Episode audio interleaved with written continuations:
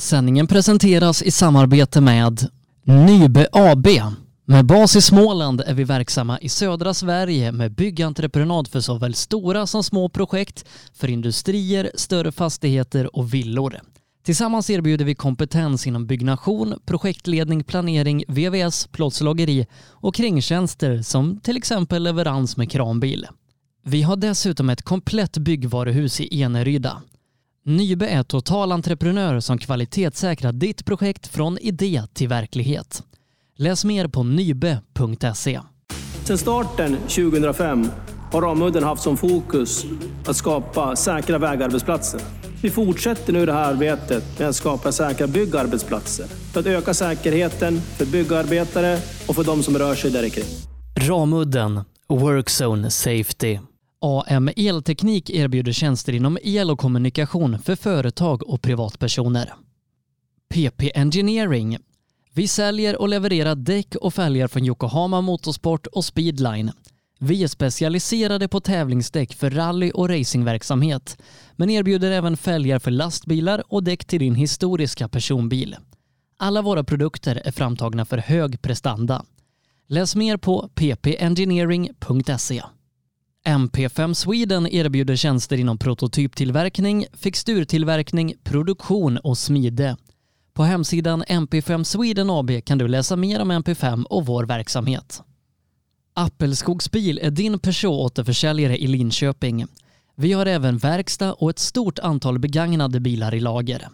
Kom och besök oss på Attorpsgatan 1 i Linköping eller besök hemsidan appelskogsbil.se.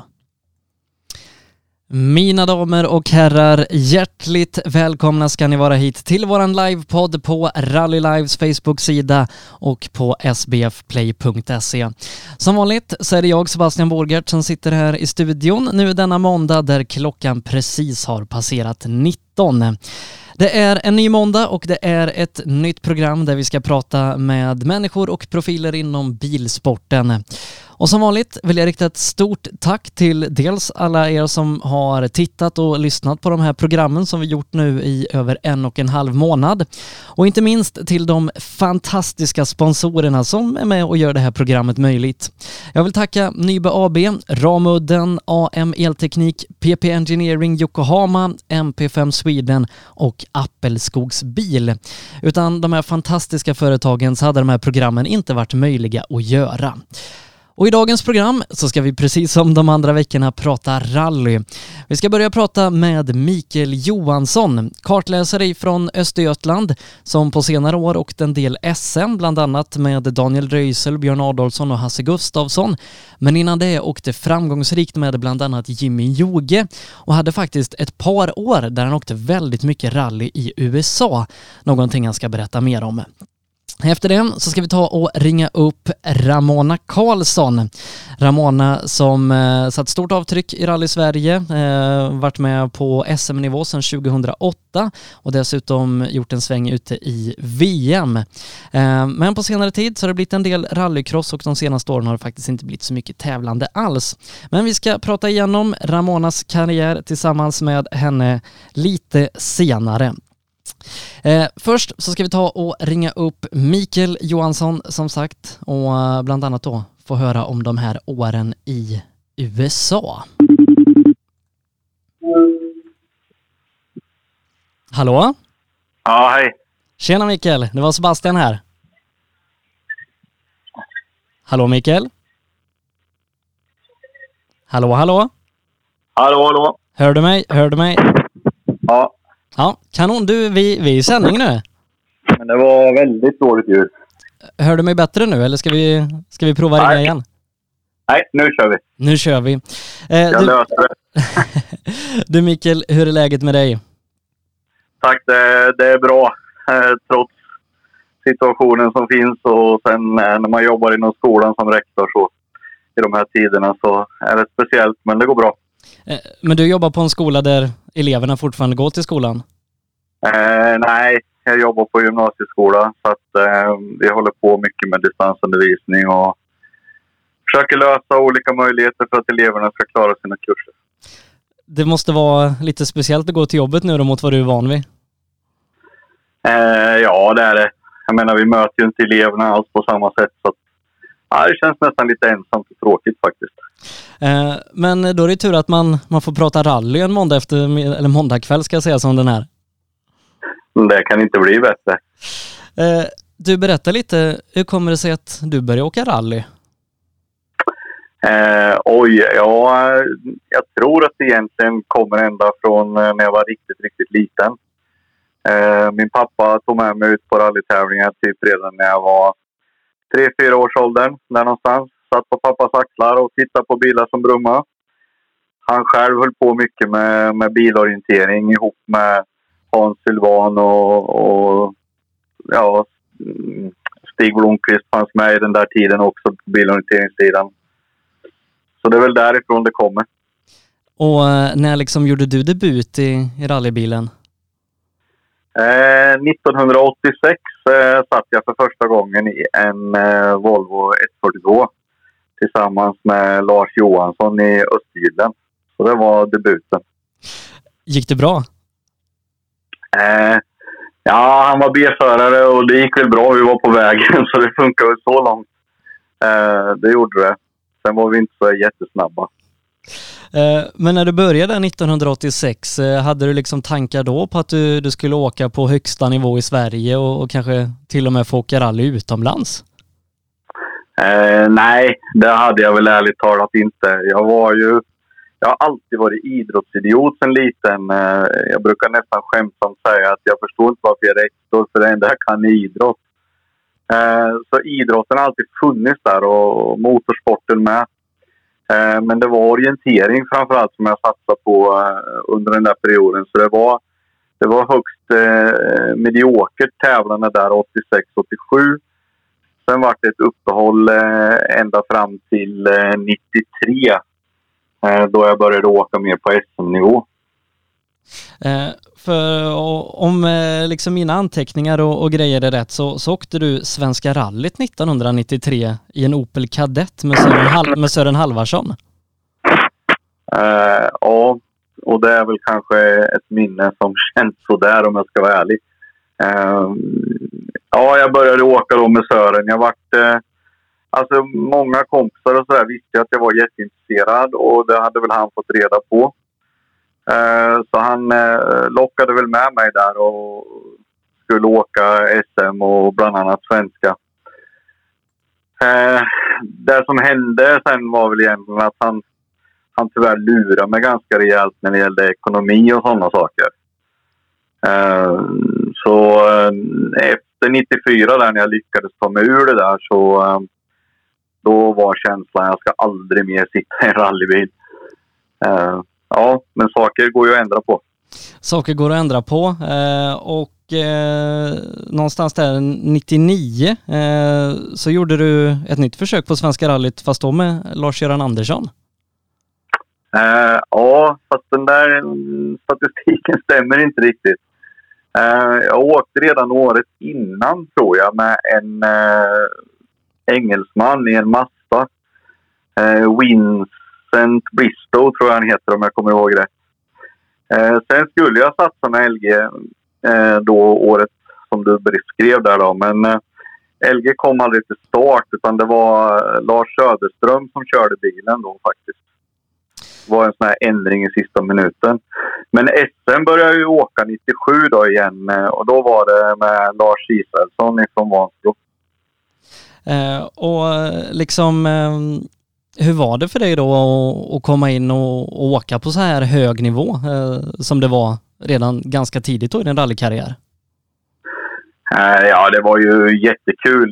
Jag älskar ju bara det här med att tävla. Jag är tävlingsidiot ut i fingerspetsarna och, och få åka på högsta nivå i Sverige. Så, ja, det var ju bara underbart naturligtvis. Eh, men eh, hur kommer det sig att du började läsa noter på engelska? och, och den här kontakten då med, med Vincent där som du beskrev? Ja, när det gäller Vincent så jag vet inte riktigt hur det där gick till och varför jag var kontaktad eh, överhuvudtaget egentligen. Och jag hamnade riktigt i den där situationen. Det kommer jag inte riktigt ihåg. Men, nej, men det gick bra med engelska noter och det, det fungerade direkt från början. Och kändes inte som något problem. Det var nästan enklare med engelska noter faktiskt. Eh, men eh, om vi, vi hoppar fram lite till, eh, till år 2002. Eh, då började du åka med, med en kille som vi känner ganska väl. Han heter Tobias Johansson eh, och har ju varit ute och åkt mycket internationellt och på senare tid också eh, kört väldigt bra i, i Sverige. Hur hamnade du tillsammans med Tobias? Eh, ja, jag hade ju åkt lite hemma och sådär och så var det här i samma veva som eh, Tobias skulle börja satsa och man skaffade då den här Evo 7 som han började i. Eh, ja, fick en förfrågan om jag ville åka med Tobbe och vi körde väl igång där och det gick väl eh, sådär i Bergslags men jag menar Tobbe var ju helt ny bakom ratten i en sån bil och allting och jag tror vi var tre sekunder lite mer per kilometer efter det på Bergslags. Men utvecklingen var ju fantastisk på Tobias det året. Så eh, i Östgötarallyt sen på hösten då, då var vi ju snabbaste Grupp N-bil i fyrhjulsdrivet och slutade på en tredje plats i Grupp N det året. Så det var en otrolig resa att få vara med Tobias under det året. Och eh, ni provade också på att åka internationellt det här året. Bland annat då så åkte ni eh, i, i Spanien, spanska VM-rallyt i, i Katalonien. Ja, det var en väldigt speciell resa. Eh, det var ju jättekul naturligtvis att få möjligheten att åka ner dit och åka asfalt med Tobias. Men eh, det började redan när vi skulle av eh, startrampen så, eh, så var det något fel på den här eh, ventilen som Fia vill ha för att man ska kunna ta bränsleprov. Så det bara spruta bränsle runt bilen och innan vi fick ordning på det där och kom iväg så eh, var det en jättelång transport ner från Larettemar till eh, Barcelona. Eh, snitthastigheten kommer jag ihåg var helt sjuka 98 kilometer i timmen. och då kan ni ju tänka er vad som händer om man har stått och mekat där en stund dessutom hade vi gamla däck, troligtvis, som hade legat alldeles för länge. Så det var punka redan på de första sträckorna på flera hjul. Så vi, in till första servicen åkte vi på på en av fälgarna för att ens ta oss dit. Eh, men det blev eh, en VM-tävling till det året. Eh, ni åkte i, i England senare på hösten. Ja, eh, om vi avslutar här i Spanien så gick det bra de sista dagarna sen när vi fick riktiga däck och allt. Så att vi slutade ju tvåa där efter Peter Schoen i Belgien som var asfaltspecialist. Så det gjorde Tobbe riktigt bra i sin debut. England började också bra. Vi var med där, men eh, tyvärr så hade det regnat på natten eh, till på lördagen och eh, det hade runnit, runnit ner lera över vägen som vi tyvärr gled ut lite i en sväng och det slutade med att vi landade i skogen. Eh, till nästa år då, 2003, eh, så åkte du en hel del rally internationellt tillsammans med en kanadensare Patrick Rickard. Eh, berätta lite om, om den kontakten och, och hur du hamnade i hans högerstol. Ja, det, det var en eh, ren tillfällighet. Han eh, skulle åka Grupp N-VM och första tävlingen var här i Sverige. Eh, och de hade sån otur så de krockade på, eh, på rekognoseringen eh, redan tidigt första dagen. Eh, och eh, jag tror det var Mats Jonsson som ringde på eftermiddagen och sa ah, kan du komma hit och hjälpa en kanadensare att åka och läsa engelska noter? Så eh, jag fick tag i min arbetsgivare, frågade om det var okej. Okay. Eh, som tur var hade jag en jättebra arbetsgivare så att jag en halvtimme senare satt jag i bilen på väg till Hagfors och träffade dem. Då. Eh, och sen eh, rekade vi resten av, av tävlingen och vi åkte tävlingen. Så, och det gick bra allting och han var åtta i gruppen. Då. Men ni fortsatte åka ihop sen efter det här? Ja, jag trodde ju att eh, ja, det var ju kul att få åka svenska igen. Och sen trodde jag att det var that's it liksom.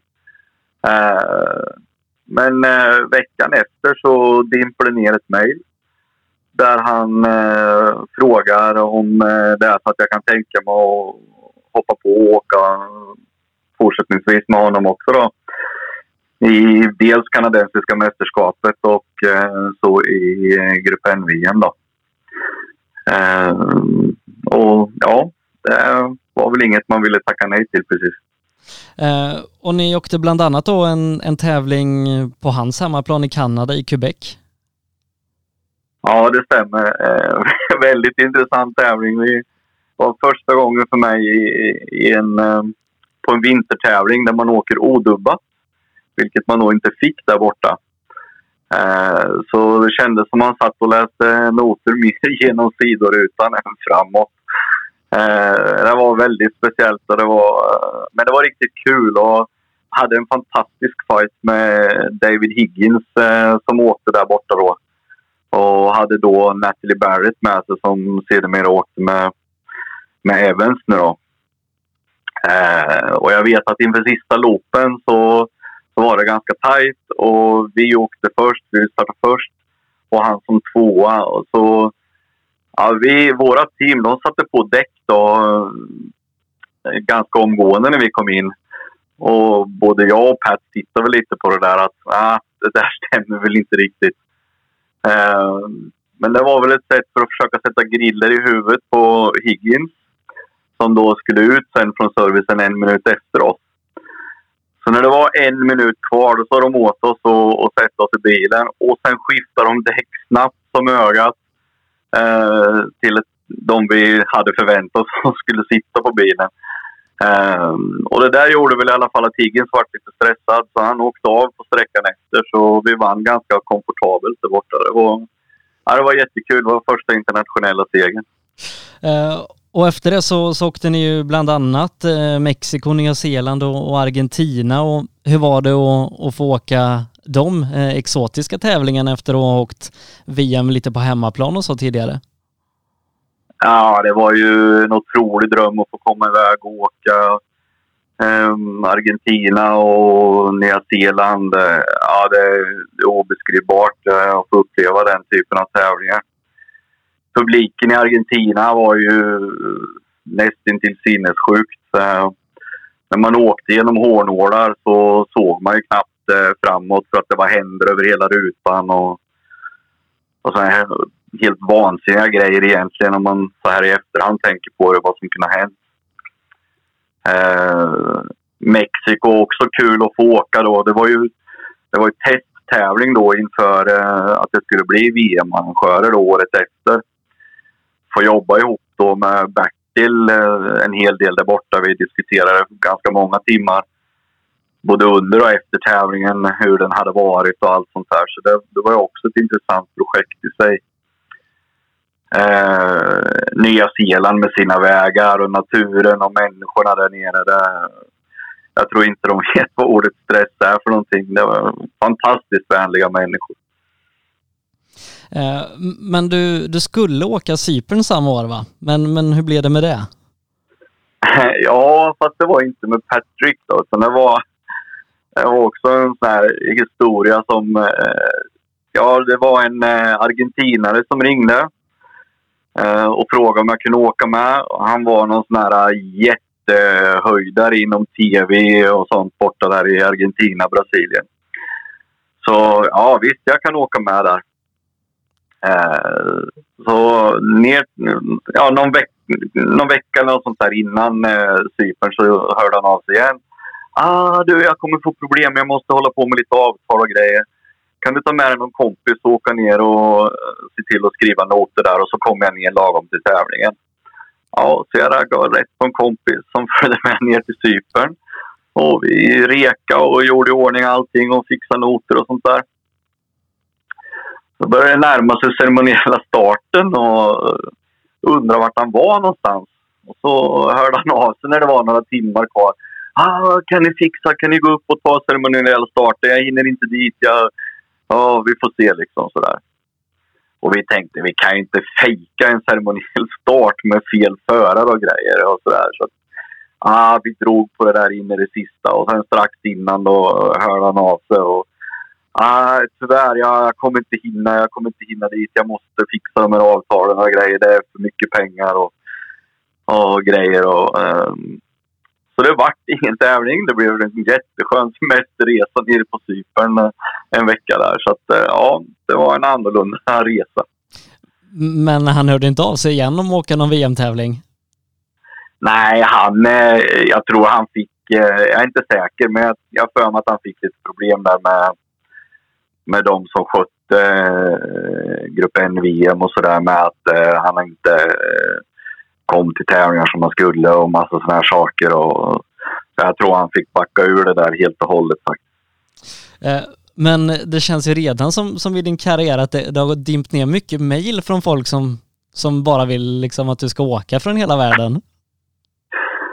Ja, man skulle nästan kunna tro att jag har någon form av dragningskraft i mejlen. Jag vet inte. Nej, men jag, jag har haft tur också med haft väldigt bra kontakt med Arne Koralba till exempel. Eh, Arne Koralba Johansson som, eh, som liksom har stöttat mig. Och det gav ju också lite eko då när, när jag åkte med kanadensaren där då i, i svenska och efter det och sådär. Så det vart väl lite ringar på vattnet. Eh, men från att ha åkt eh, liksom Grupp N-VM på, på eh, de här exotiska platserna så åker du till England med Lars-Göran Andersson och hoppar in i en Ford Ka. ja, eh, det fanns ju en K-cup borta i England där som, som LG åkte då. Eh, och han frågade om jag ville följa med där på slutet på någon tävling och så. Eh, och det var, det var kul eh, på sitt sätt. Eh, även om det ofta kändes som att man ville hoppa ur och skjuta på den där lilla kanon. Men eh, vi, eh, vi hade kul där borta på Isle of Man på asfalten och, och lite sånt där. Jag vet vi var i något militärområde som jag inte kommer ihåg vad det heter. Som vi också åkte asfalt och så, som var himla kul faktiskt. Eh, speciella tävlingar. Isle of Man med sina fantastiskt breda och häftiga asfaltvägar till att i princip ha så pass smalt som man åkte rådel och man knappt fick eh, plats med backspeglarna mellan jordvallarna. Så att, eh, det, var, det är ett häftigt ställe. Det rekommenderar jag om någon får möjlighet. Men, men just att åka Ford Ka, det kanske du inte rekommenderar lika starkt? Nej, det finns för bättre alternativ om jag ska vara ärlig. Det, så är det ju. Eh, men ändå, jag menar, icke att förringa. Det var en himla fight i den där kuppen också. Alla bilar var lika. Man lottade ut boxarna på samma sätt som man gör i JVM idag.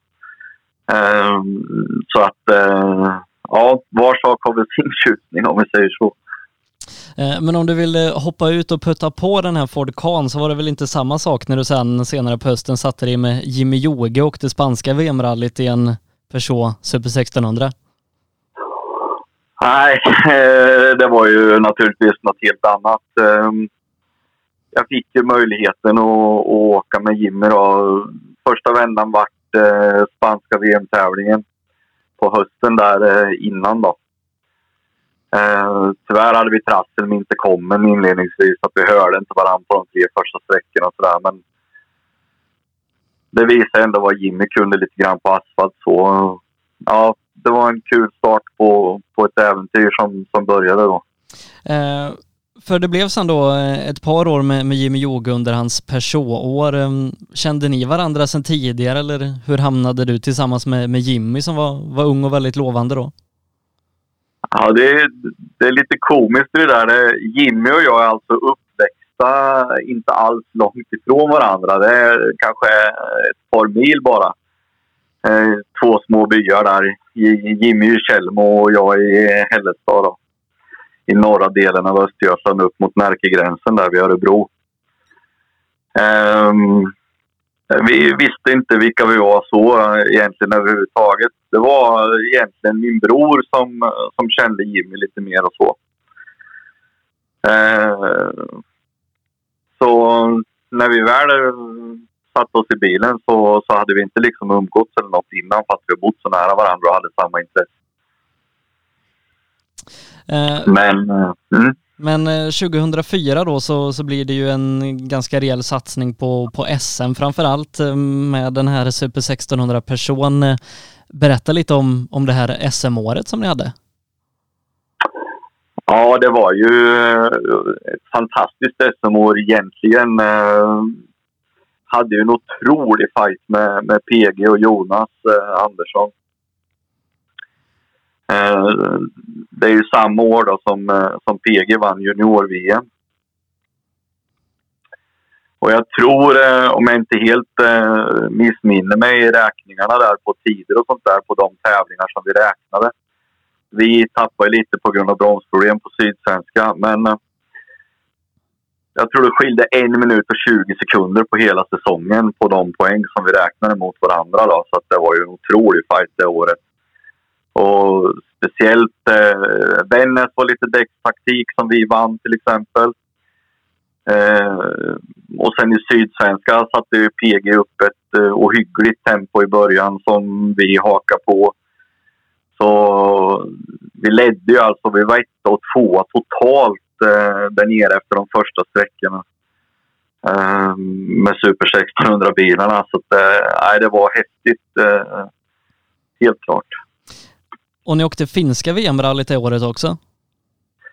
Mm, det gjorde vi och eh, det började ju riktigt bra där borta också. PG åkte ju själva junior-VM om vi säger så.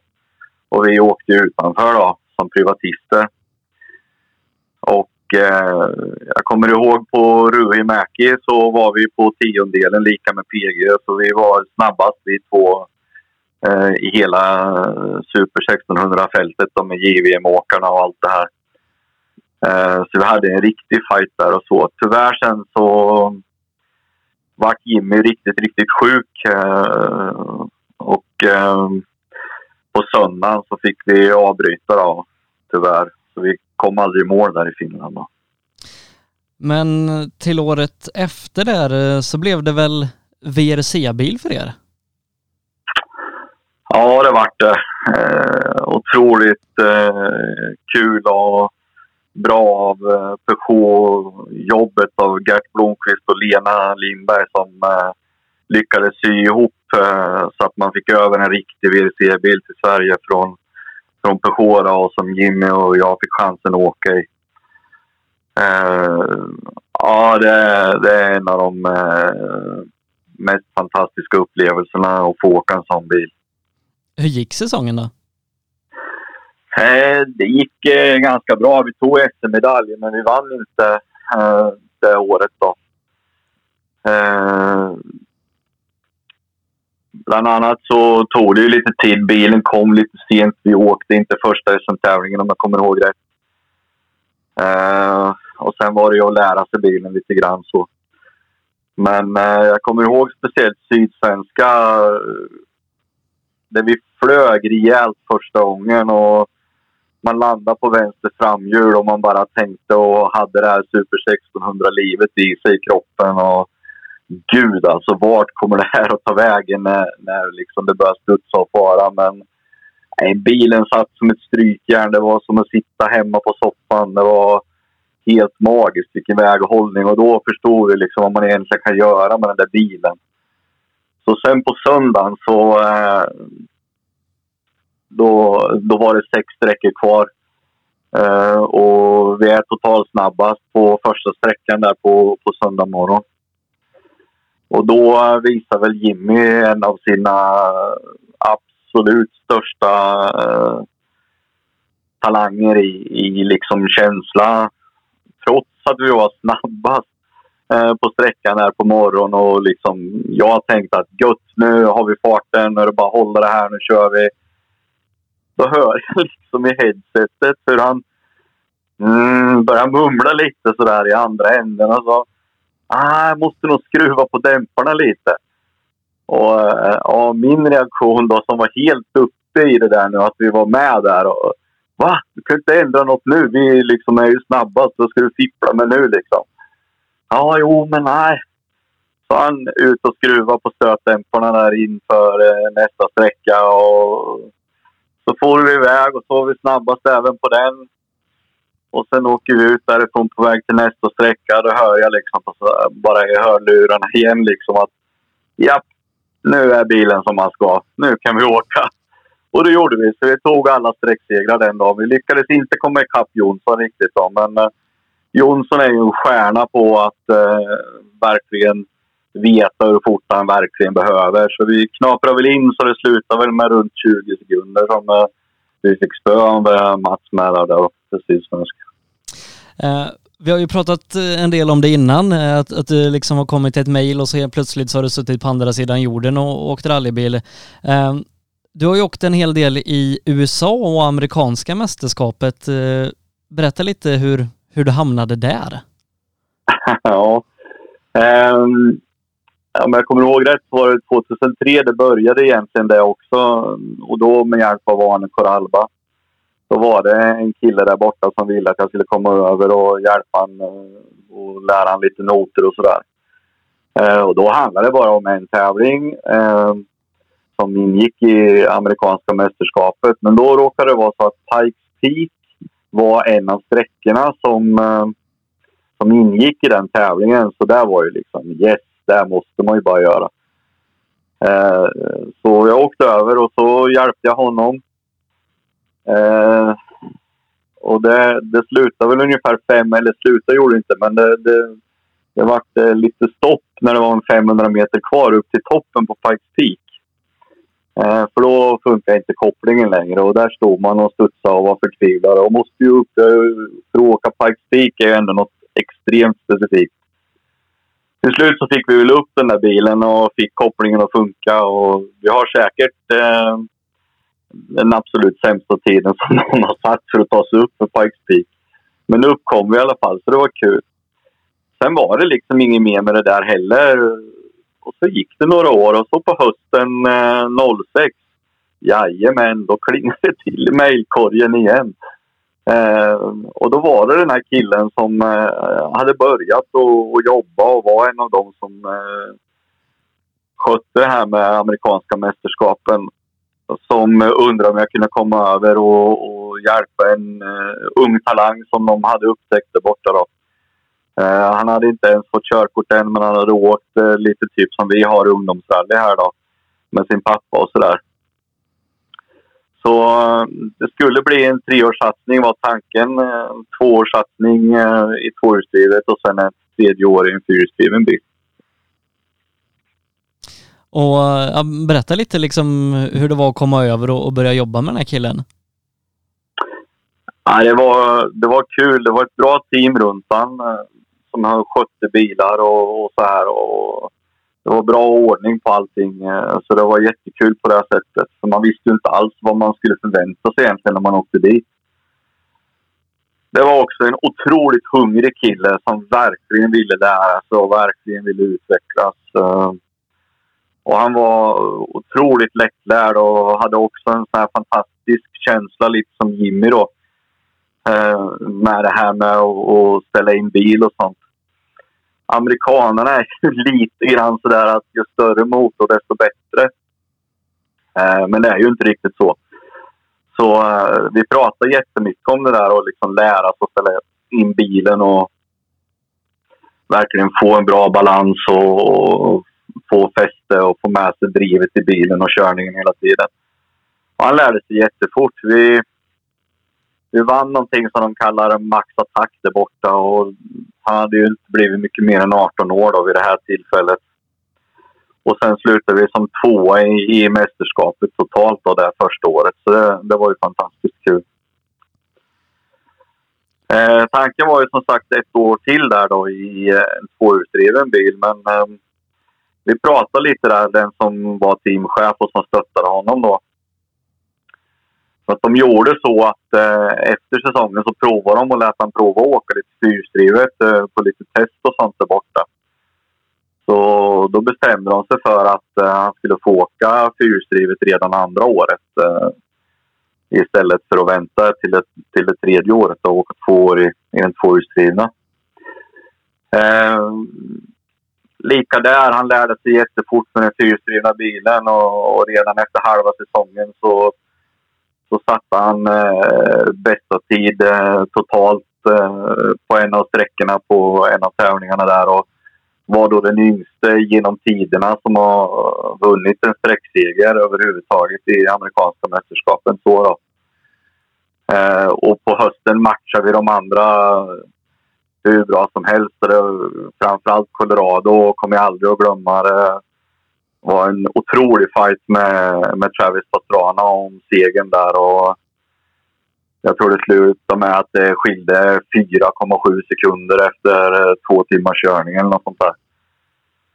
Eh, så äh, det gick riktigt, riktigt bra. Han lärde sig jättefort. Men blev det sen någon, någon vidare satsning? Sen så, så kom ju det här syndromet tyvärr då, som eh, många råkar ut för.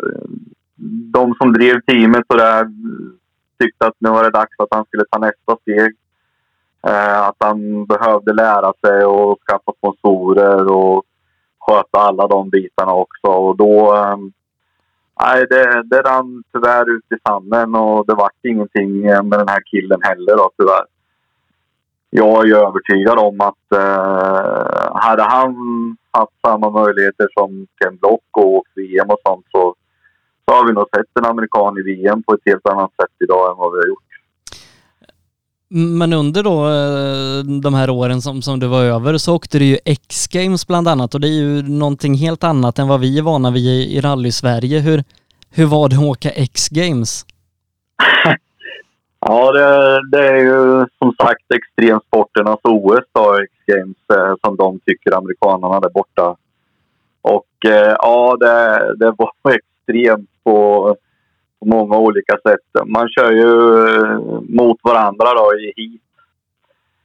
Och då var det så att banan gick dels inne på ett stadionområde och sen åkte man ut ur det här stadionområdet och sen kom man tillbaka in till stadion. Och under veckan när det var testkörningar och sånt här så fick vi bara vara på de delarna som var utanför stadion därför att eh, på själva stadion använder de ju till stadioncross och massa annat eh, under veckan. Då. Så ja, jag kommer inte glömma när jag klev in på stadion där morgonen när vi skulle tävla. Alltså hoppet de hade byggt var liksom bara så här, det kan inte vara möjligt. Vi ska inte göra det här. Det är helt sjukt. Då hade man alltså byggt ett hopp eh, där den ena åkte under och den andra hoppade över. Eh, på det sättet så bytte man ju spår och, och, normalt så är det ju en bro som till exempel på svenska. Men det var det inte här utan eh, det var helt öppet. Eh, sex meter högt och sen var det 23 meter från den ena kanten tills man skulle landa på den andra sidan.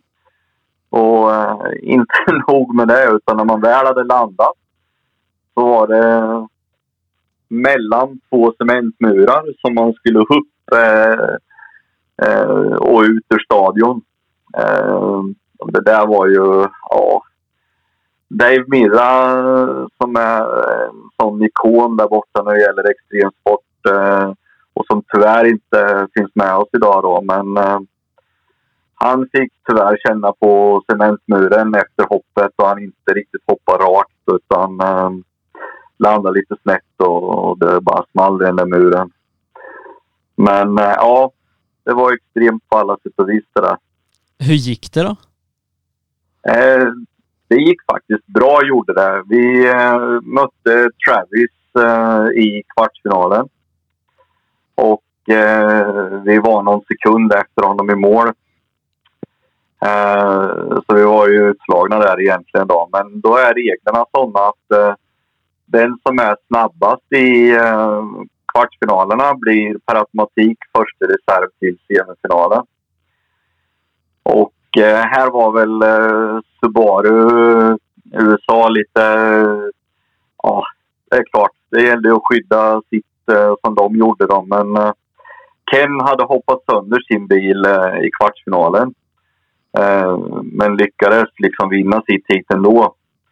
Och eh, de fyllde väl på så mycket olja och vatten det bara gick i den där och så sköt de fram bilen till startlinjen för reglerna var sådana att eh, om bilen bara gick och de kommer över, över startlinjen så, så räknades det liksom. Då fick man inte plocka in någon reserv istället.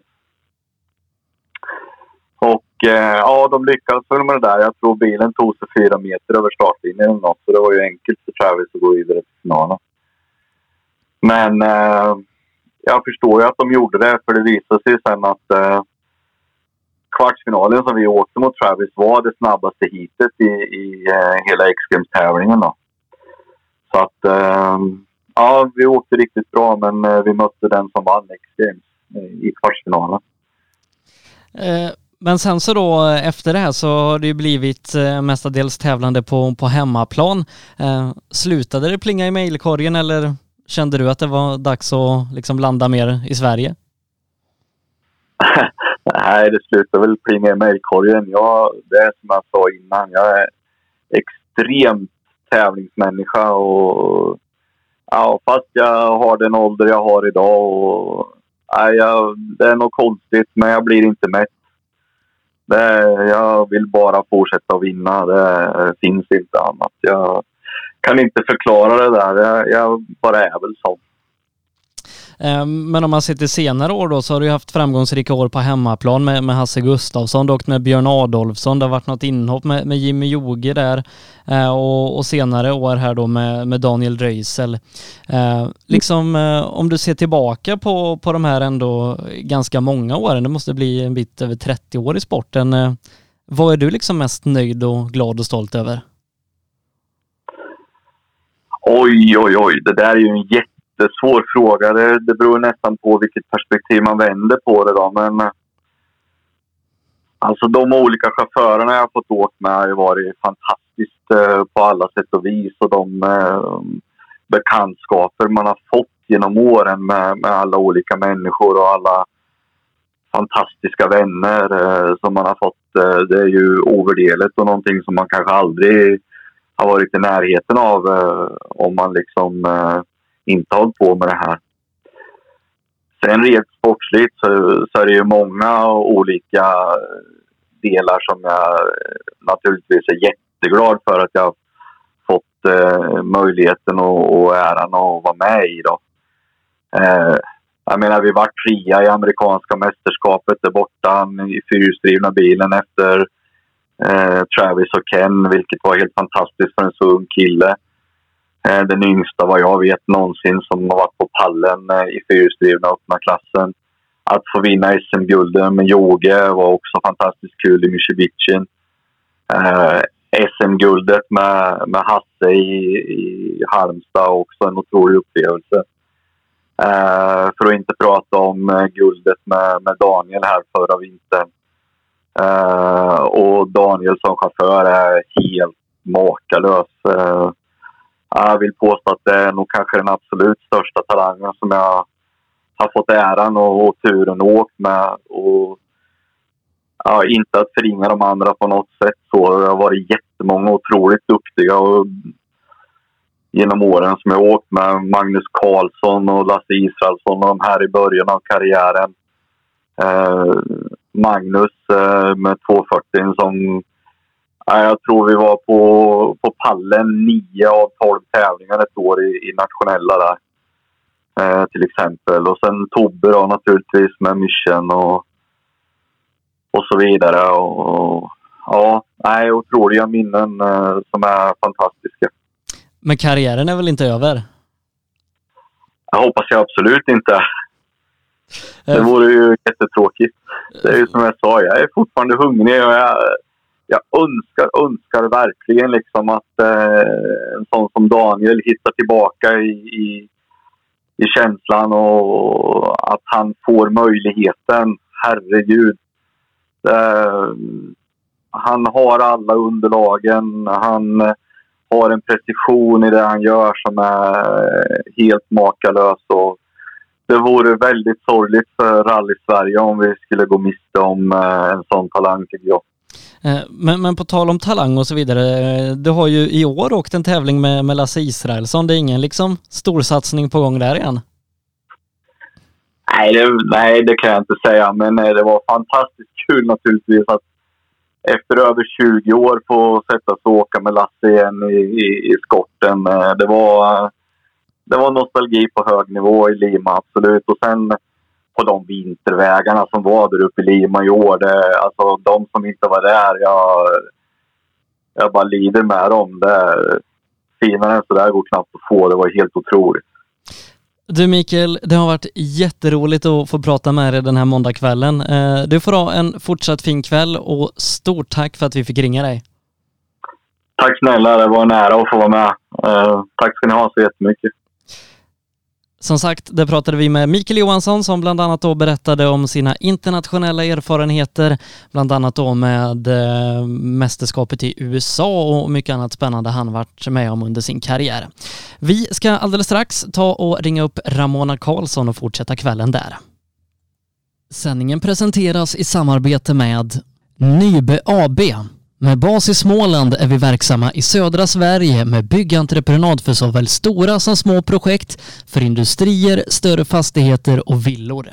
Tillsammans erbjuder vi kompetens inom byggnation, projektledning, planering, VVS, plåtslageri och kringtjänster som till exempel leverans med kranbil.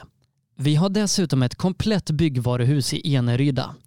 Nybe är totalentreprenör som kvalitetssäkrar ditt projekt från idé till verklighet. Läs mer på nybe.se. Sedan starten 2005 har Ramudden haft som fokus att skapa säkra vägarbetsplatser. Vi fortsätter nu det här arbetet med att skapa säkra byggarbetsplatser för att öka säkerheten för byggarbetare och för de som rör sig där kring. Ramudden Workzone Safety. AM Elteknik erbjuder tjänster inom el och kommunikation för företag och privatpersoner. PP Engineering vi säljer och levererar däck och fälgar från Yokohama Motorsport och Speedline. Vi är specialiserade på tävlingsdäck för rally och racingverksamhet, men erbjuder även fälgar för lastbilar och däck till din historiska personbil. Alla våra produkter är framtagna för hög prestanda. Läs mer på ppengineering.se. MP5 Sweden erbjuder tjänster inom prototyptillverkning, fixturtillverkning, produktion och smide. På hemsidan MP5 Sweden AB kan du läsa mer om MP5 och vår verksamhet. Appelskogsbil är din Peugeot-återförsäljare i Linköping. Vi har även verkstad och ett stort antal begagnade bilar i lager. Kom och besök oss på Attorpsgatan 1 i Linköping eller besök hemsidan appelskogsbil.se. Ja, mina damer och herrar, vi ska ta och fortsätta den här kvällen i våran livepodd. Nästa person vi ska ta och ringa upp heter Ramona Karlsson och har bland annat också satt avtryck i rally-SM där hon åkt många år med Subaru Dealer Team Sweden. Det har varit Mitsubishi-satsningar och eh, sist då när vi såg henne i SM så var det i en Skoda Fabia VRC. Efter det så har det blivit lite rallycross och vi ska få höra mer om den här fantastiska karriären tillsammans med Ramona som alldeles strax då finns med oss.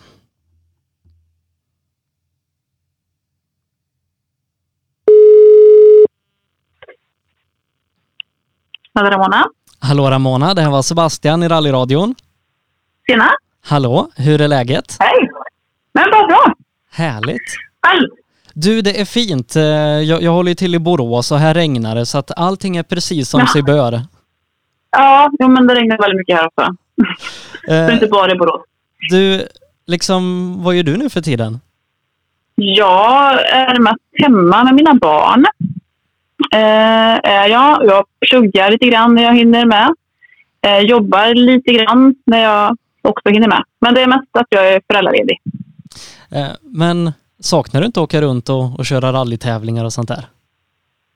Jo, men det är klart jag gör. Alltså man, man är lite en eh, barnbubbla just nu liksom och sådär. Men, men visst finns det stunder då jag verkligen, verkligen längtar super, super mycket när jag kommer att tänka på eh, motorsporten såklart. Och jag går ofta och liksom funderar på hur man ska kunna ta sig tillbaka igen och sådär. Men just nu så har jag inte, ja, men jag har inte tiden just nu helt enkelt att få ihop budget och jobba med sponsorer i den tid, eller i den mån som det verkligen krävs för att få ihop någonting riktigt, riktigt bra. För då måste man verkligen lägga ner sig väldigt mycket. Så att, eh, ja, det är ju, man är ju väldigt beroende av motorsporten och någon gång kommer jag ju säkert att komma tillbaks, absolut. Frågan är bara när, när man hinner få till det.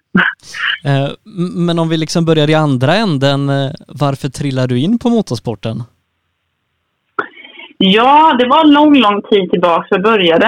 Eh, jag är uppvuxen på, på landet och eh, när jag var liten så var jag ganska jag var ganska så... Jag hade ganska långt till kompisar och ja, jag var väldigt blyg och introvert och sådär av mig och hade lite problem med att gå i skolan i början eftersom jag hade, ja, men vi kanske kan kalla det för social fobi. Eh, jag hängde mycket hemma liksom, och pluggade en del hemma också. Och, eh, bodde på landet, pappa som jag umgicks ganska mycket med och såg upp till, hade en gammal motocross som man hade i verkstaden som man tog ut ibland och dammade av och jag tyckte det såg väldigt, väldigt häftigt ut och tjatade om att få prova. Till slut fick jag tjata mig till en egen knattekross och åkte runt på den en liten 50 kubikare och sen var det större och större kubik och jag började köra på banan. Ehm, men jag var inte speciellt talangfull på två hjul. Jag mest bara ramlade och slog mig ju snabbare det gick ungefär.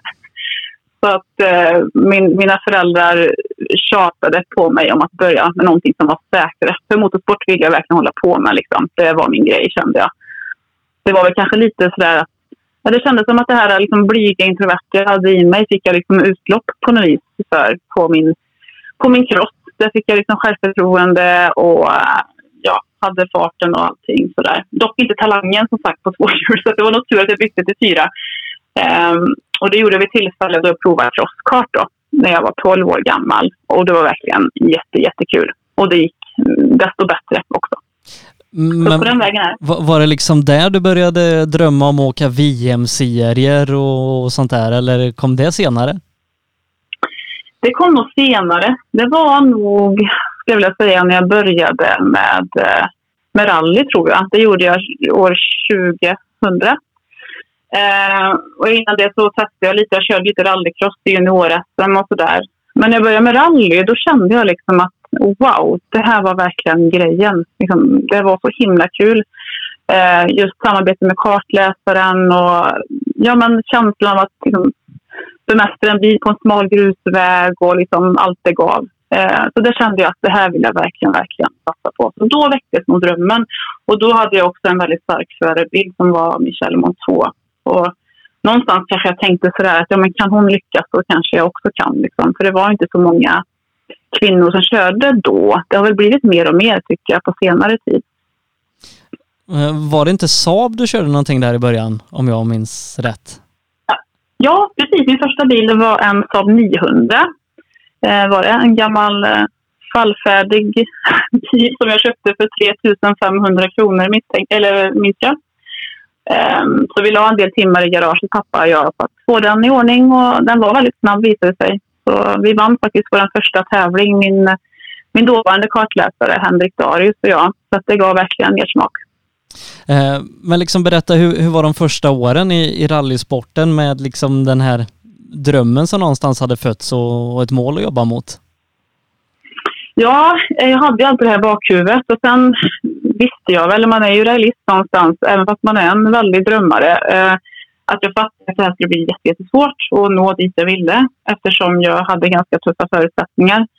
Eh, jag kommer från en familj som inte har eh, ja, men kontaktnätet som är så värdefullt att ha. Det här med sponsorer. Ingen har ju tävlat i motorsport tidigare. Ehm, så så fick man ju liksom jobba upp ifrån början och det då i kombination med att eh, ja, prata med folk var det jobbigaste jag visste ungefär. Och just att sälja in då satsning till sponsorer. Och den biten var ju också väldigt, väldigt eh, tuff. Men eh, jag ville ju så gärna göra det här så att jag, jag utsatte mig för mina fobier och liksom gav mig ut och, och jagade sponsorer. Och från början så var det ju ja, men småsponsorer ifrån eh, liksom 500 kronor upp till kanske 10 000 de åren som jag åkte den här eh, Saaben då som sen blev en eh, Saab 99 och som sen blev en Golf då i grupp ekonomi som jag körde då. Det var inga stora pengar det handlade om i början. Eh, så det tog mig, jag tog nästan sju, åtta, sju år någonstans i gruppekonomi innan jag kunde ta nästa steg då och sitta i en fyrhjulsdriven bil. Så att först då kände jag väl kanske att wow, nu börjar det bli som realistiskt att det kanske kan bli som jag, som jag har drömt om. Liksom. Eh, men om jag minns rätt så 2008 måste det varit som du klev in i Subaru Dealer Team? Ja, just det. Det stämmer. Precis. Eh, hur liksom kom den kontakten till och hur, hur var det sen att kliva in i det här? Ja, eh, Subaru med då Hasse Gustafsson och då Oskar Svedlund i spetsen där som tävlar då hade väl följt mig lite där i min grupp ekonomibil och tyckte att det var kul med en snabb tjej. Vi var, vi var med och slogs ibland och snabbast där i grupp ekonomi. Men det är klart att steget där upp till en fyrhjulsdriven Subaru Impresa i gruppen, liksom, det är ju enormt. Men jag blev kontaktad av Hasse där eh, tillsammans med Subarus eh, generalagent då, i Sverige. Som eh, eh, ja, helt enkelt ville ge mig en chans. Och jag sa ju det också att det är ett väldigt stort steg att ta ifrån eh, gruppekonomi till hit. Då. Men då fick jag möjlighet att första året tävla, eller tävla, köra som föråkare. Eh, för att kunna komma in i bilen och liksom öka tempot successivt. Eh, men 2008 måste ha varit då när, när du klev in i, i full tävlingssäsong och med Miriam ja. som kartläsare? Exakt. 2007 så fick vi den här föråk föråkarsäsongen. Då.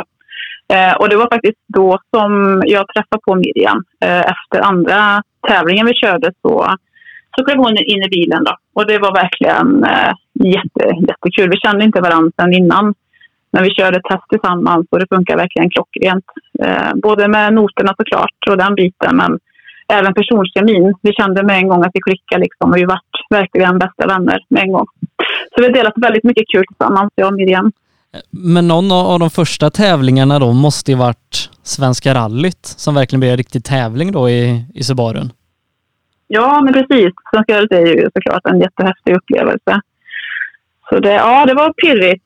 Och eh, föråkarsäsongen den var ju även eh, lite pirrig. Jag lyckades till och med eh, rulla på min, vad var det? Det var den tredje tävlingen jag körde kanske. Um, så det är lite pinsamt som föråkare. Men ja, men det, vi börjar från dikeskanten uppåt kan man säga. Och Svenska rallyt var såklart en jättehäftig upplevelse på alla sätt. Men hur var det att inte riktigt ha tävlat i en fyrhjulsdriven bil innan och sen så tjoff in i en VM-tävling? Jo, men det är klart, det var ju, det var ju supernervöst. Liksom. Men jag, jag, jag, jag gruvar mig sällan så mycket innan. Jag liksom, ja, har man möjligheten, klart man tar den. Och vi fick ihop sponsorer och allting, så det är klart man, man kör. Liksom. Men det var klart att det var ju väldigt pirrigt och nervöst. Och, um, speciellt när man tävlar som, som kvinna. Man får ju man får ju lite extra ögon på sig och sådär. Så det, var, ja, det var väldigt, väldigt nervöst. Men så är det alltid tycker jag på tävlingar. Att hur nervös man än kan känna sig innan så släpper det när man sitter i bilen och liksom kör iväg där vid gröna lampan på Karlstadtravet. Liksom. Då är allt liksom bortblåst. Och om jag minns rätt så var det ett ganska speciellt Svenska rally det året. Eh, lite liknande det vi hade i år om man, om man ser till vädret. För, för det var ju ganska milt och, och mycket grus på sträckorna om jag kommer ihåg helt rätt. Ja, precis det var det. Det var ganska...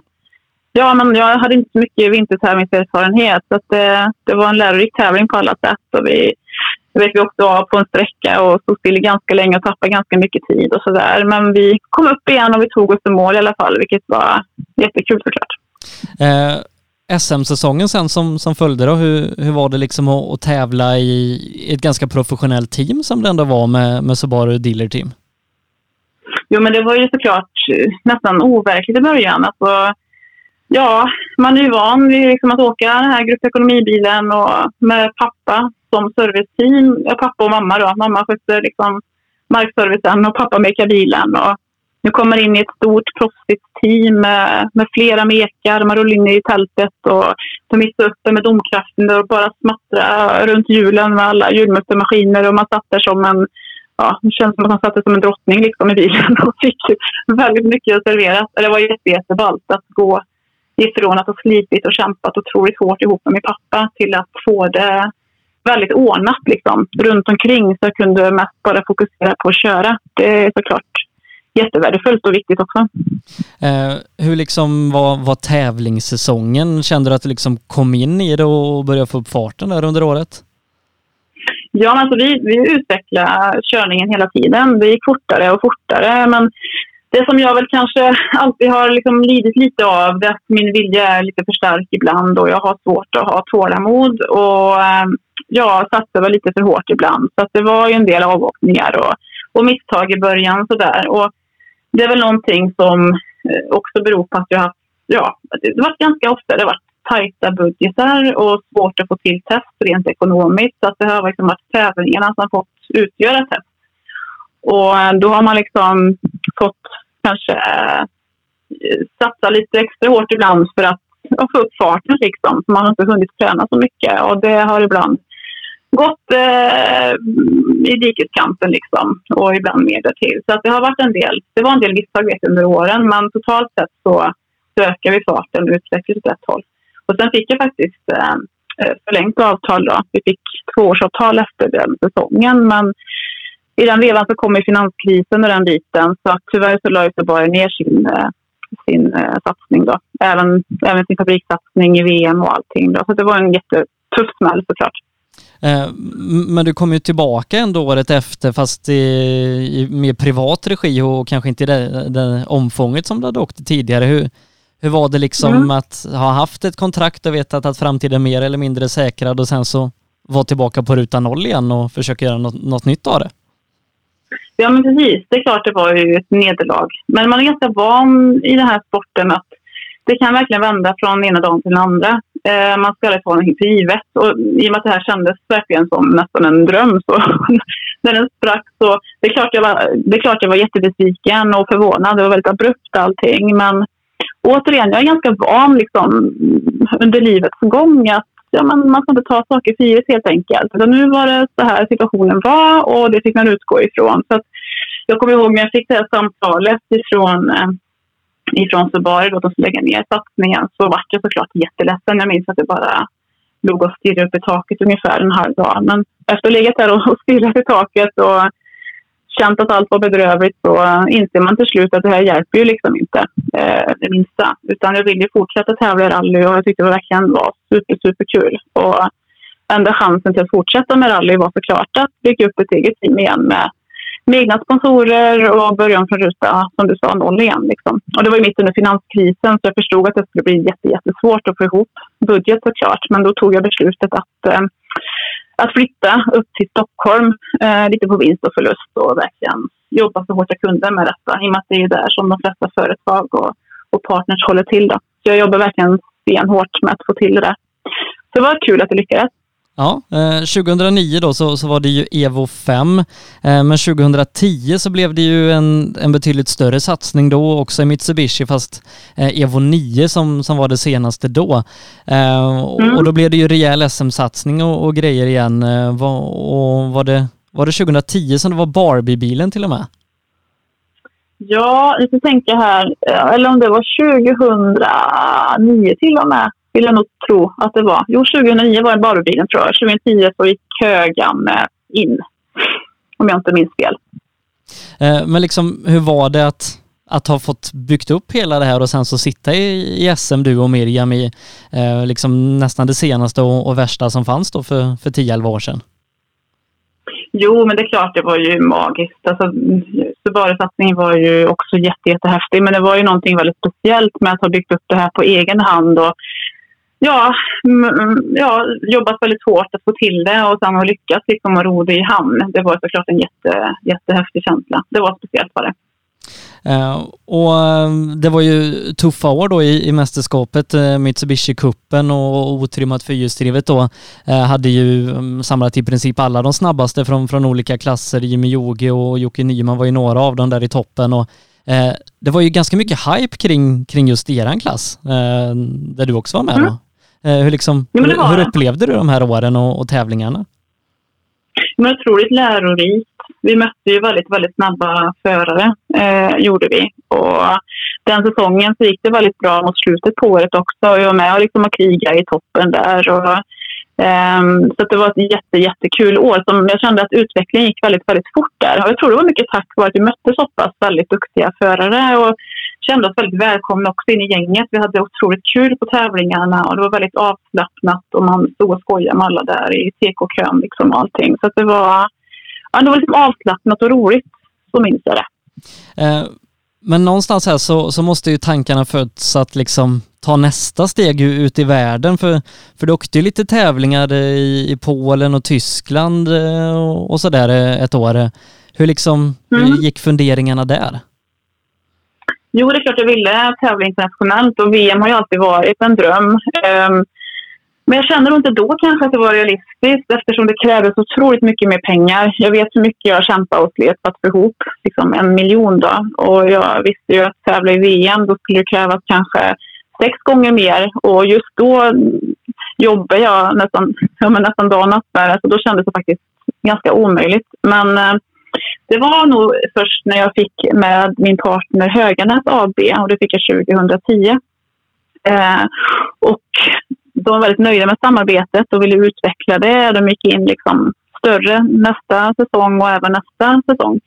Och då kände jag när jag fick med dem som en liksom grundpartner i satsningen och att de var så positiva till det här och allting, så fick jag eh, såklart, Eh, det kändes som att chansen ökade ekonomiskt. Men dessutom så gick det ganska bra också på tävlingarna och vi var med, hängde med i toppen och sådär ja, fick jag även ökat självförtroende. Liksom, att jag kände att ja, men vi är nog ganska så bra på det här. Och det märkte jag också när jag, när jag sålde in satsningen till sponsorerna. Och jag kände verkligen hur viktigt det är att liksom tro verkligen på riktigt på det man säljer in. Liksom. Så det gick det också bättre med försäljningen. Och så, ja, det liksom bara rulla in mer och mer sponsorer. Och när det kanske var inför 2012 då, då jag körde VM eh, ehm, så eh, kände jag när det kanske var ett halvår kvar innan VM-säsongen började att jäklar, det här kanske kan gå i lås. Liksom. Men sen när det väl närmade sig så fattades det eh, ungefär en miljon i budget för att kunna hyra in mig ett befintligt team. Då. Då tänkte jag att nej, fasen, ska inte hänga på den ynka, ynka miljonen liksom, för att få uppleva det här och göra det här. Så då började jag räkna och eh, räkna ut det. Att skulle jag driva teamet själv då, eh, och driva det på mitt egna sätt så skulle jag kunna spara ungefär en miljon. Och så på, på den vägen så var det då. Men det är klart, det var mycket, mycket, mycket jobb. Mycket mer än vad jag någonsin kunde tro. Men det ångrar jag verkligen inte. Det var allt värt. Eh, men 2012 då så, så blev det ju en, en VM-satsning med den här Evo 10 och, och du började borta i Mexiko. Eh, hur liksom mm. var det att, att, komma dit och eh, få köra VM och framförallt vara på andra sidan jorden? Ja, men precis. Alltså, det är nog först nu kanske när jag fått ett litet mer lugn i mitt liv på något vis. När jag har liksom hunnit reflektera över det och minnas tillbaka hur, liksom, hur häftigt och, och, speciellt det var. När, när man väl var inne i den här snurran, liksom, då jobbade jag så otroligt mycket. Och man hann knappast sätta sig ner och tänka och fatta vad man gjorde någonstans. Så det var väldigt, en väldigt intensiv period under den, den tiden. Men det är klart att jag minns att det var ju jätte jättespännande. Ja, dels att liksom få dit bilen överhuvudtaget. Vi, till exempel så, vi flög inte dit bilen för det hade vi inte råd med utan jag fick till en, en, ett skeppningsschema då, för att skeppa bilen till Mexiko. Och liksom bara känslan när vi såg att bilen var där i hamnen, liksom, att allting hade funkat och att allting var i tid. Och, och sen när vi väl flög dit då, så um, var det ganska mycket nytt som vi kanske inte förväntade oss. Eh, till exempel så är det ganska så korrupt land där, ganska mycket kriminalitet.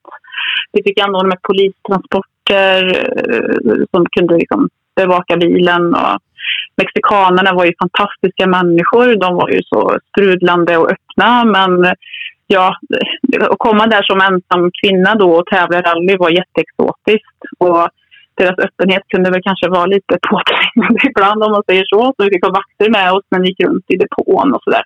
Så det var mycket så här, saker som tog fokus runt omkring. Men när vi väl satte oss i bilen och skulle börja tävla, jag och Miriam, så bara vi kände att shit, det här ska verkligen bli så himla kul. Eh, och ehm, vi åkte reken där och vi insåg ju väldigt snabbt att det här är ju vägar som vi aldrig någonsin har liksom, kört på. Väldigt speciell vägkaraktär, mycket sträckor upp i bergen med liksom, eh, väldigt små marginaler, väldigt branta stup och sådär. Så det gällde verkligen att få till noterna rätt och sådär. Och det var vi ganska orutinerade på också, det här med notskrivningen. Så det var mycket som var nytt var det, men väldigt, väldigt spännande.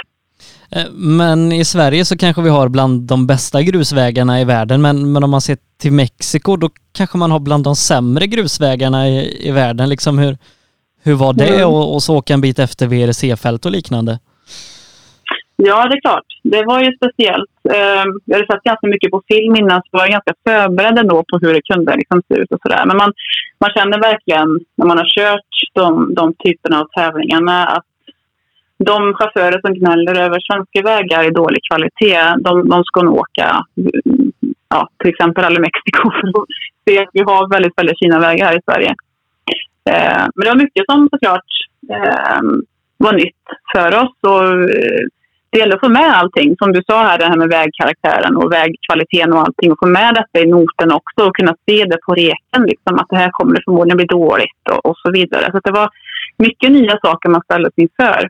Eh, och dessutom så var faktiskt, eh, fick Miriam en ordentlig magsjuka eh, och var väldigt, väldigt sjuk under hela rallyt. Då. Så att där ställdes saker in på sin spets också. Men hon gjorde ett kanonjobb. Hon gjorde inte liksom ett misstag på hela rallyt. Så att hon var verkligen ja hon var verkligen min hjälte under den helgen. Hon vägrade ju upp liksom. Men jag tror det blev en sjätte sjätteplats någonstans där i, i VM-debuten och så vidare till eh, ett land inte jättelångt därifrån då, Argentina eh, och åka där. Eh, hur var det liksom att, att komma vidare från, från all anspänning och grejer i första VM-tävlingen till att liksom kanske vara lite mer van vid, vid allting till, till nästa tillfälle? Ja, det är klart. Det var ju en fördel. Och vi kände att vi kunde vara med liksom och lukta på topp tre-tider. Vi låg fyra i Rally Mexico där tills eh, vi var med om... Vi tappade en bromsledning på en sträcka då. Innan vi fick lagat den så tappade vi två placeringar. Så vi kände att shit, vi kanske har chans nu liksom i Argentina då att hamna på pallen. Eh, det var verkligen målsättningen. Och det var mer förväntansfullhet liksom sådär inför Argentina än vad det var nervositet. Som det kanske var i Rally Mexico då när jag inte var, ja, visste hur det skulle vara. Liksom. Så det var kul. Men i Argentina så ja, det var ändå en del anspänningar såklart. Och första sträckan det var en stor publiksträcka. Eh, och jag, ja, återigen det här jag kan ha en nackdel av att jag kan vara för taggad ibland. Liksom, att jag vill för mycket så att det nästan låser sig ibland. Och nästan det första jag gjorde på sträckan det var att jag, eh, jag eh, åkte fort in i en kurva och eh, körde in jag touchade ett träd i yttern. Så det liksom small till och Miriam fick hela sidorutan ner i knät. Kunde inte se noterna och så vart det liksom pannkaka av allting. Så vi, jag missuppfattade en not så att jag körde helt enkelt av vägen sen och på ett olyckligt ställe så att eh, eh, oljekylan gick och motorn rasade. Och vi var tvungna att packa ihop och åka hem. Eh, men nästa tävling var ju då eh, Nya Zeeland. Åkte bilen till Sverige däremellan eller var ni tvungna att fixa det innan den åkte från Argentina till, till Nya Zeeland? Nej, vi hann inte landa i Sverige innan utan vi fick skeppa vidare bilen direkt till Nya Zeeland då och lösa problemet där på plats. Eh, så så var det. Så direkt när han kom i, i hamnen där i Nya Zeeland fick de byta motor och allting då, mekanikerna. Eh, och vi har ju hört tidigare här i programmet eh, Mikael Johansson berätta om, om vägarna på Nya Zeeland som, som är kanske bland de, de allra häftigaste i världen. Eh, hur var det för dig att få, få starta den tävlingen och, och åka på de här vägarna? Ja, alltså, jag får faktiskt gåshud nu när jag tänker på det, för det var så häftiga vägar. Det, det var svårt att förklara. Men eh, otroligt bra kvalitet ganska snabba vägar, ganska tekniska vägar, många liksom velodromkurvor som man kör i som sen när, när kurvan är slut liksom skiftar över i nästa velodrom vilket gör att man nästan ibland liksom dansar skuttar mellan kurvorna. Det var som skön rytmik liksom i sträckorna. Och då hade vi också fått till noterna väldigt, väldigt bra. Vi tränade väldigt hårt med notskrivning där mellan VM-tävlingarna. Det här var, jag för mig att det här var första året vi skrev egna noter. Och då fick vi till noterna bra, eller framförallt i alla fall fick självförtroende att liksom, jag kunde lyssna på dem ordentligt. Um, så då gick det väldigt bra också. Och det var vägar som visade sig passa oss väldigt bra. Så vi la oss faktiskt på en total andra plats där efter första dagen som var nog både det häftigaste och det tuffaste rallyt vi har kört eftersom det bara var tillåtet en remote service på 20 mil. Eh, så det gällde att ha bilen liksom i, i bra skick också. Eh, men sen så hände det som, som har blivit ja, eh, omtalat och, och, man har liksom sett det många, många gånger framför sig när bilen börjar brinna eh, ute på sträckan. Liksom berätta lite hur, hur det var där och då. Ja, det var lite lustigt, det var det inte, men, men på kvällen innan där så vi gick i mål på fredagen där och då låg vi tvåa och vi hade en bra ledning framför trean. Jag tror vi låg typ tre minuter före eller någonting. Så vi kunde egentligen nästan säkert köra in i mål. Vi hade bara tio mil specialsträcka kvar tror jag det var på hela helgen. Eh, och vi låg där liksom i hotellsängarna, jag och Miriam och bara, du vet, åh vad främt, liksom en pallplats i VM och vi kanske till och med har chans att knappa in och, och vinna tävlingen och allting. Så vi låg där och bara myste liksom. Men vid ett tillfälle så sa vi faktiskt det. Men vad skulle kunna skita sig? Liksom? Jag kommer inte tokladda här nu och, och liksom köra av vägen säkert. Utan jag kan ju säkert köra, kanske köra på liksom 70 procent och ändå säkra en pallplats. Och då sa vi vid ett tillfälle, men tänk om, det skulle, tänk om bilen skulle börja brinna då liksom, och brinna upp. Och så typ skrattade vi och sa att nej men det händer inte. Och så somnade vi om. Och, och sen dag två där så fortsatte vi rallyt. Och ja, vi behöll vår andra plats fram till eh, sista sträckan den dagen. Och då hände just det som inte då fick hända. Och det var mitt på sträckan som det hände. Vi kanske hade åkt några kilometer in och så... Eh, jag vet att jag kände... Jag vet att jag tänkte att det var en annorlunda värme i bilen. Det var liksom ingen värme som kom från fläkten eller så, utan det var en annan, mer liksom intensiv värme. Och det vart varmare och varmare och jag började prata med Miriam och frågade om hon kände samma sak och det gjorde hon då. Och vi, kunde liksom, vi visste inte vad det var, så vi fortsatte att köra en stund till. Men sen rätt vad det var så bara Miriam skriker inte kommen. Liksom. Det brinner, det brinner. Vi måste ut. Och eh, då tvärnitade jag såklart på en gång. Och jag vet inte hur fort vi körde vid tillfället. Men jag minns att högsta växeln var i i alla fall. Det var ganska så hög fart. Och när jag bromsade så var det som... I och med att elden började bak i bilen och när farten reducerades så kom elden ikapp oss in i kupén. Och det var otroligt snabbt det gick. Att liksom, kupén blev eldfylld. Det var inte många sekunder innan liksom, det var eld bara överallt i hela kupén. Och jag kunde bara fortsätta att bromsa och liksom försöka stå ut med den här hettan. Då. Men när vi var nere i kanske, jag minns inte, 30, kanske 40 kilometer i timmen någonstans så hör jag att det klickar till, inte kommer. Då klickar Miriam upp bältet och kastar ur sig. Hon kastas ut i farten då. Så hon klarar inte av värmen längre. Och det gjorde inte jag heller, men jag var tvungen att uh, sitta kvar en stund längre för jag försökte trycka på den här eh, uh, brandsläckningsknappen då, till sprinklersen. Men det hjälpte ingenting för att det var helt övertänt. Så efter kanske ytterligare några sekunder så knäppte jag också loss mig och hoppade ut där i farten och ramlade ner för en, eh, en brant och såg innan det hur bara bilen fortsatte in i en jordvall liksom, och ställde sig där och och brann upp. Och um, så klättrade jag upp för den här branten. Och så när jag kom till vägen där så tittade jag mig omkring efter Miriam såklart. Och jag ropade och ropade. Och jag såg henne inte någonstans. Liksom. Och det var verkligen ja, de längsta sekunderna tror jag i mitt liv. Liksom, när jag såg henne. Så att hon kanske stod 400 meter längre bort, till höger ungefär. På knä i en liksom bränd, svedd overall och gjorde tummen upp till mig. Så den tummen var väldigt skön att se kan jag säga. Att allting hade gått bra. Eh, men liksom eh, hur fort eh, började du tänka liksom bort det rent kroppsliga och fysiska och börja tänka att här brann den här satsningen upp? Ja, men precis. Den tanken kom ju sen liksom. Och först så var jag bara glad över att allt hade gått bra med, med Miriam och med oss och sådär. Och sen kom ju det här som du sa, nästa steg liksom. Och jag minns att jag satt i räddningshelikoptern där för de kom och hämtade oss och körde oss till sjukhuset. Då tog jag en bild med min mobilkamera på den brinnande bilen där i skogen. Där liksom, ja, och då kände jag som du sa liksom, att hela VM-satsningen brinner verkligen upp här. Liksom, shit, inte bra. Men faktiskt, och i helikoptern så minns jag att vi började snacka Miriam och jag hur vi skulle komma tillbaka igen och vilken bil vi skulle köra nästa år och sådär. vi tog det mentalt väldigt bra. Det tror jag var av olika anledningar. Dels så, men dels så var vi ju, det gick så himla bra innan liksom. Man var ju så pepp på det här. Det var ju så himla kul. Och sen eh, var vi med om en ganska så obehaglig grej i Mexiko där vi var väldigt nära att åka ner för ett stup. Och efter vi har gjort, eller efter vi varit med om det här i Mexiko så pratade vi ganska länge eh, efter den incidenten om, om just det här med riskerna liksom, som man utsätter sig för och om det är värt det och vad skulle hända ifall jag gör ett misstag som gör att Miriam skulle skada sig eller vice versa och sådär. Så vi snackade igenom just det här väldigt, väldigt länge, vilket vi aldrig hade gjort innan överhuvudtaget. Um, jag tror kanske tack vare den liksom bearbetningen så gjorde det att vi tog det här väldigt bra och ja, liksom ville ta nya tag på en gång. För bara sen ja, några tävlingar senare så var du ju tillbaka i en, en ny Mitsubishi i, i Tysklands VM-rally och, äh, och om du pratade innan om att det saknades en miljon, det, det kan inte hjälpt budgeten att en bil brann upp?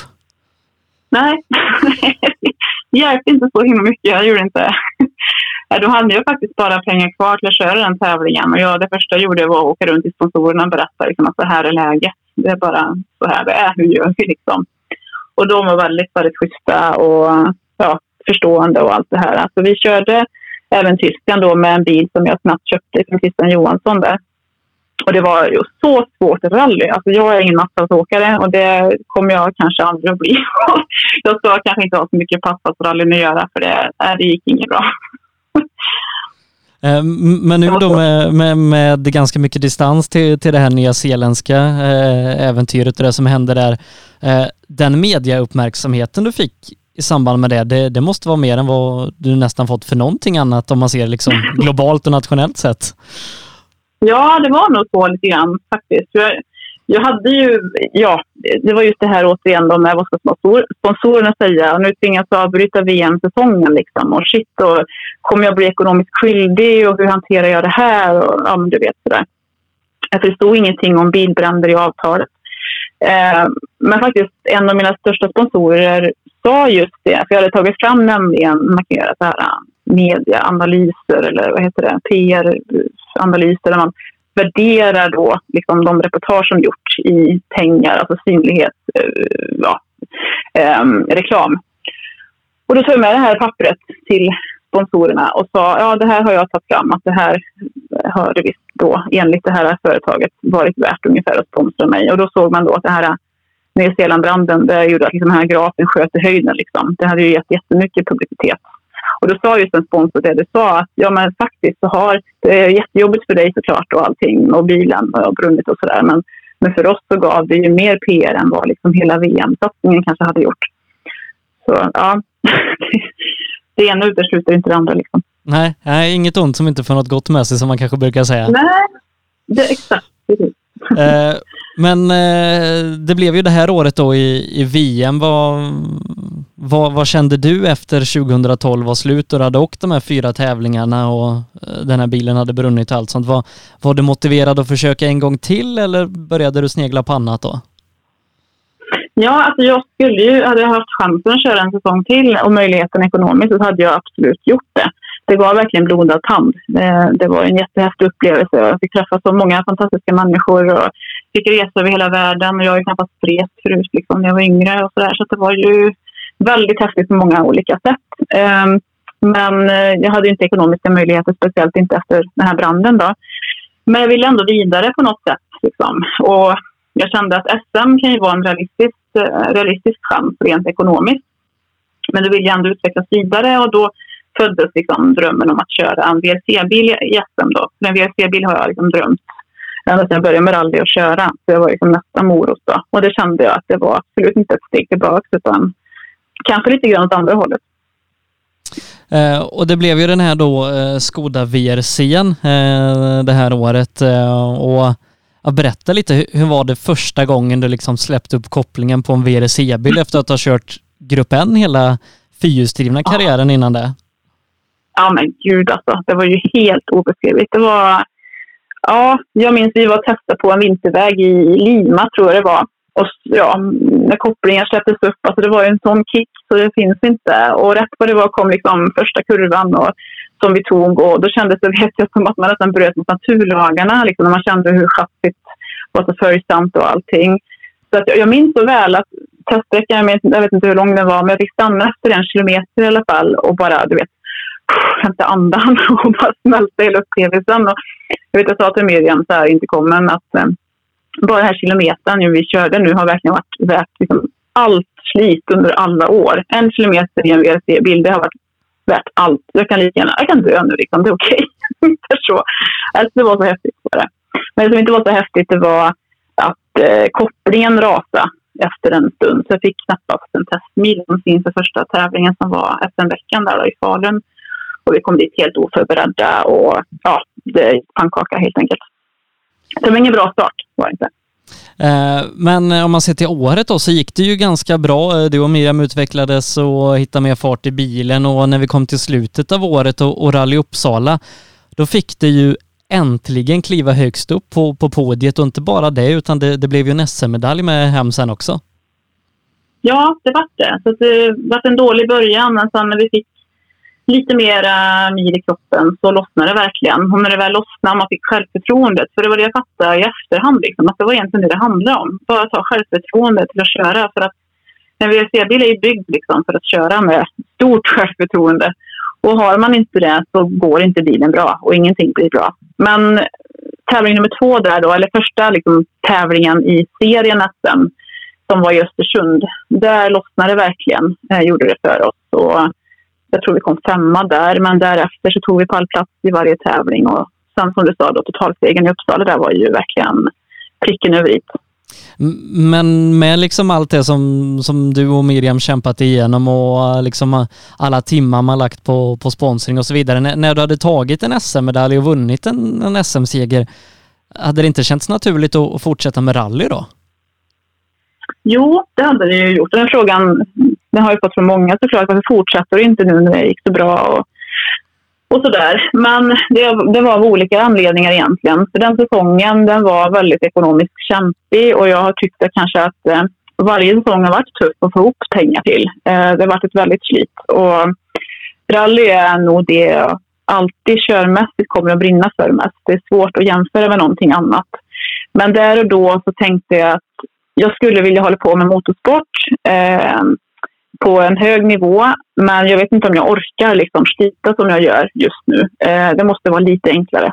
Och då hade jag ju följt rallycrossen lite grann och sett att eh, det har vuxit ganska mycket och jag tänkte att det kanske är lättare som är sponsorer till en sport som går på en arena. Eh, så det var den anledningen. Och sen en annan anledning det var att jag gick lite i familjetankar. Jag insåg att shit, jag är snart 35. Jag kanske borde bli mamma snart om jag ska bli mamma, vilket jag ville bli. Och jag tänkte att om jag lyckas bli mamma, hur kommer jag att bli som rallyförare då? Eh, vet inte. Eh, men om jag skulle bli mer riskmedveten och sådär eh, så kanske jag inte kommer bli lika snabb. Och då kanske det är bra att testa rallycrossen. Plus att det är enklare liksom, med barn. Man kan, ja, man, ett hit tar väl fyra fem minuter så kan man köra det och så kan man åka in i depån och köra barnvagn och amma, tänker jag. Det blir bra. Eh, och det blev ett par säsonger i EM och VM-serier med, med Per Eklund och det var någon Peugeot och sen så din, din Sirocco där eh, på slutet. Eh, hur var de åren i, i rallycrossen som, som, du, som du la där? Två, tre år kanske det blev? Jo, men det var jättekul med rallycross såklart.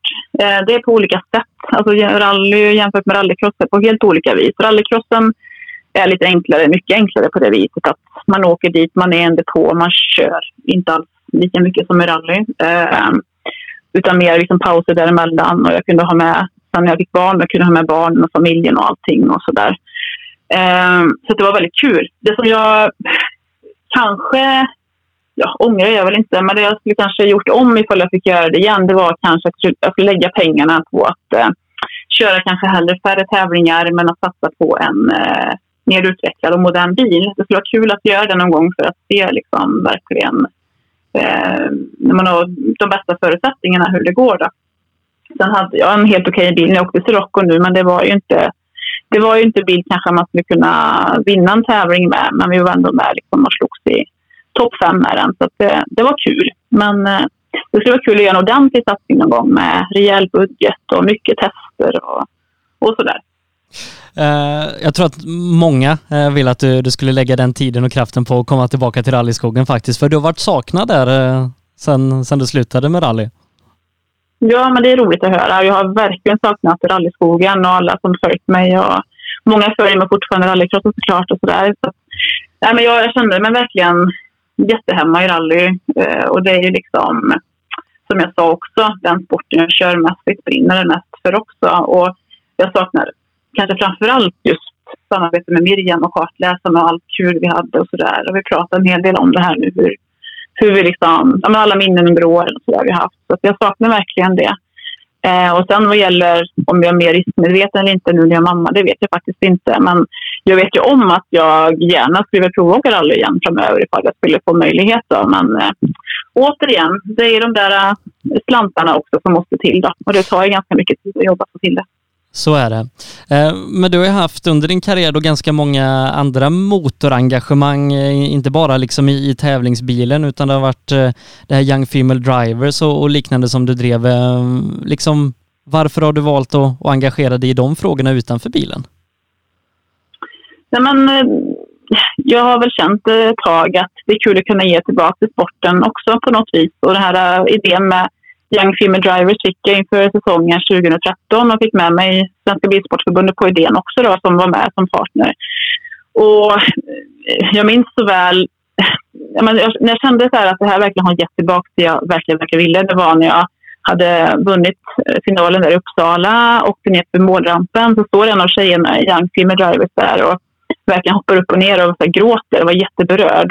Och då sa hon till mig efteråt att alltså, shit, det var så viktigt för mig att se. Liksom. Och jag kände så här att kan du lyckas med det här, då kan även jag lyckas med det här.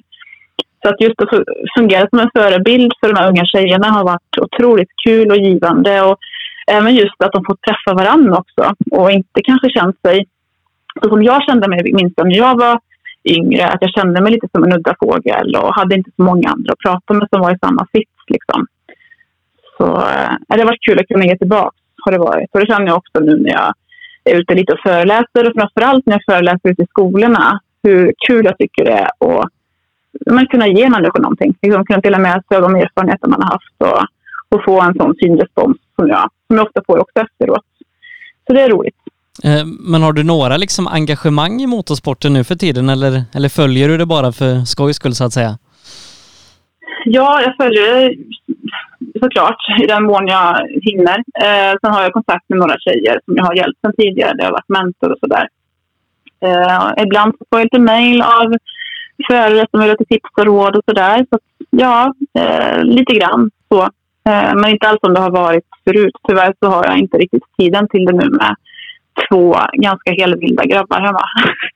Eh, är det en, en framtida generation Rally Karlssons där? jag får nog tvista om det med min sambo tror jag. För han har inte riktigt det motorintresset som jag har. Då. Så vi får se. Men den äldsta sonen, hans första ord var liksom brum brum, man härmar en bil. Och han är väldigt bilintresserad. Så det är inte omöjligt faktiskt. Det finns, det finns hopp, gör det. Eh, och, och, och, bara det, på, på, tal om, om engagemang i motorsport och liknande. Eh, vi har ju försökt få med det i rallyradion också de senaste typ sex åren. Ja, precis. Exakt.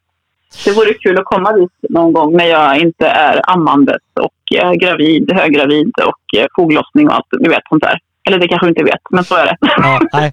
Eh, eller, eller så är det någon slags liksom eh, att du inte vill jobba med Per Johansson. Det, det är de tvistade lärde så att säga. Jag går det här ut live, det kan vi redigera i efterhand liksom. Ja, vi, det som passar bäst för dig.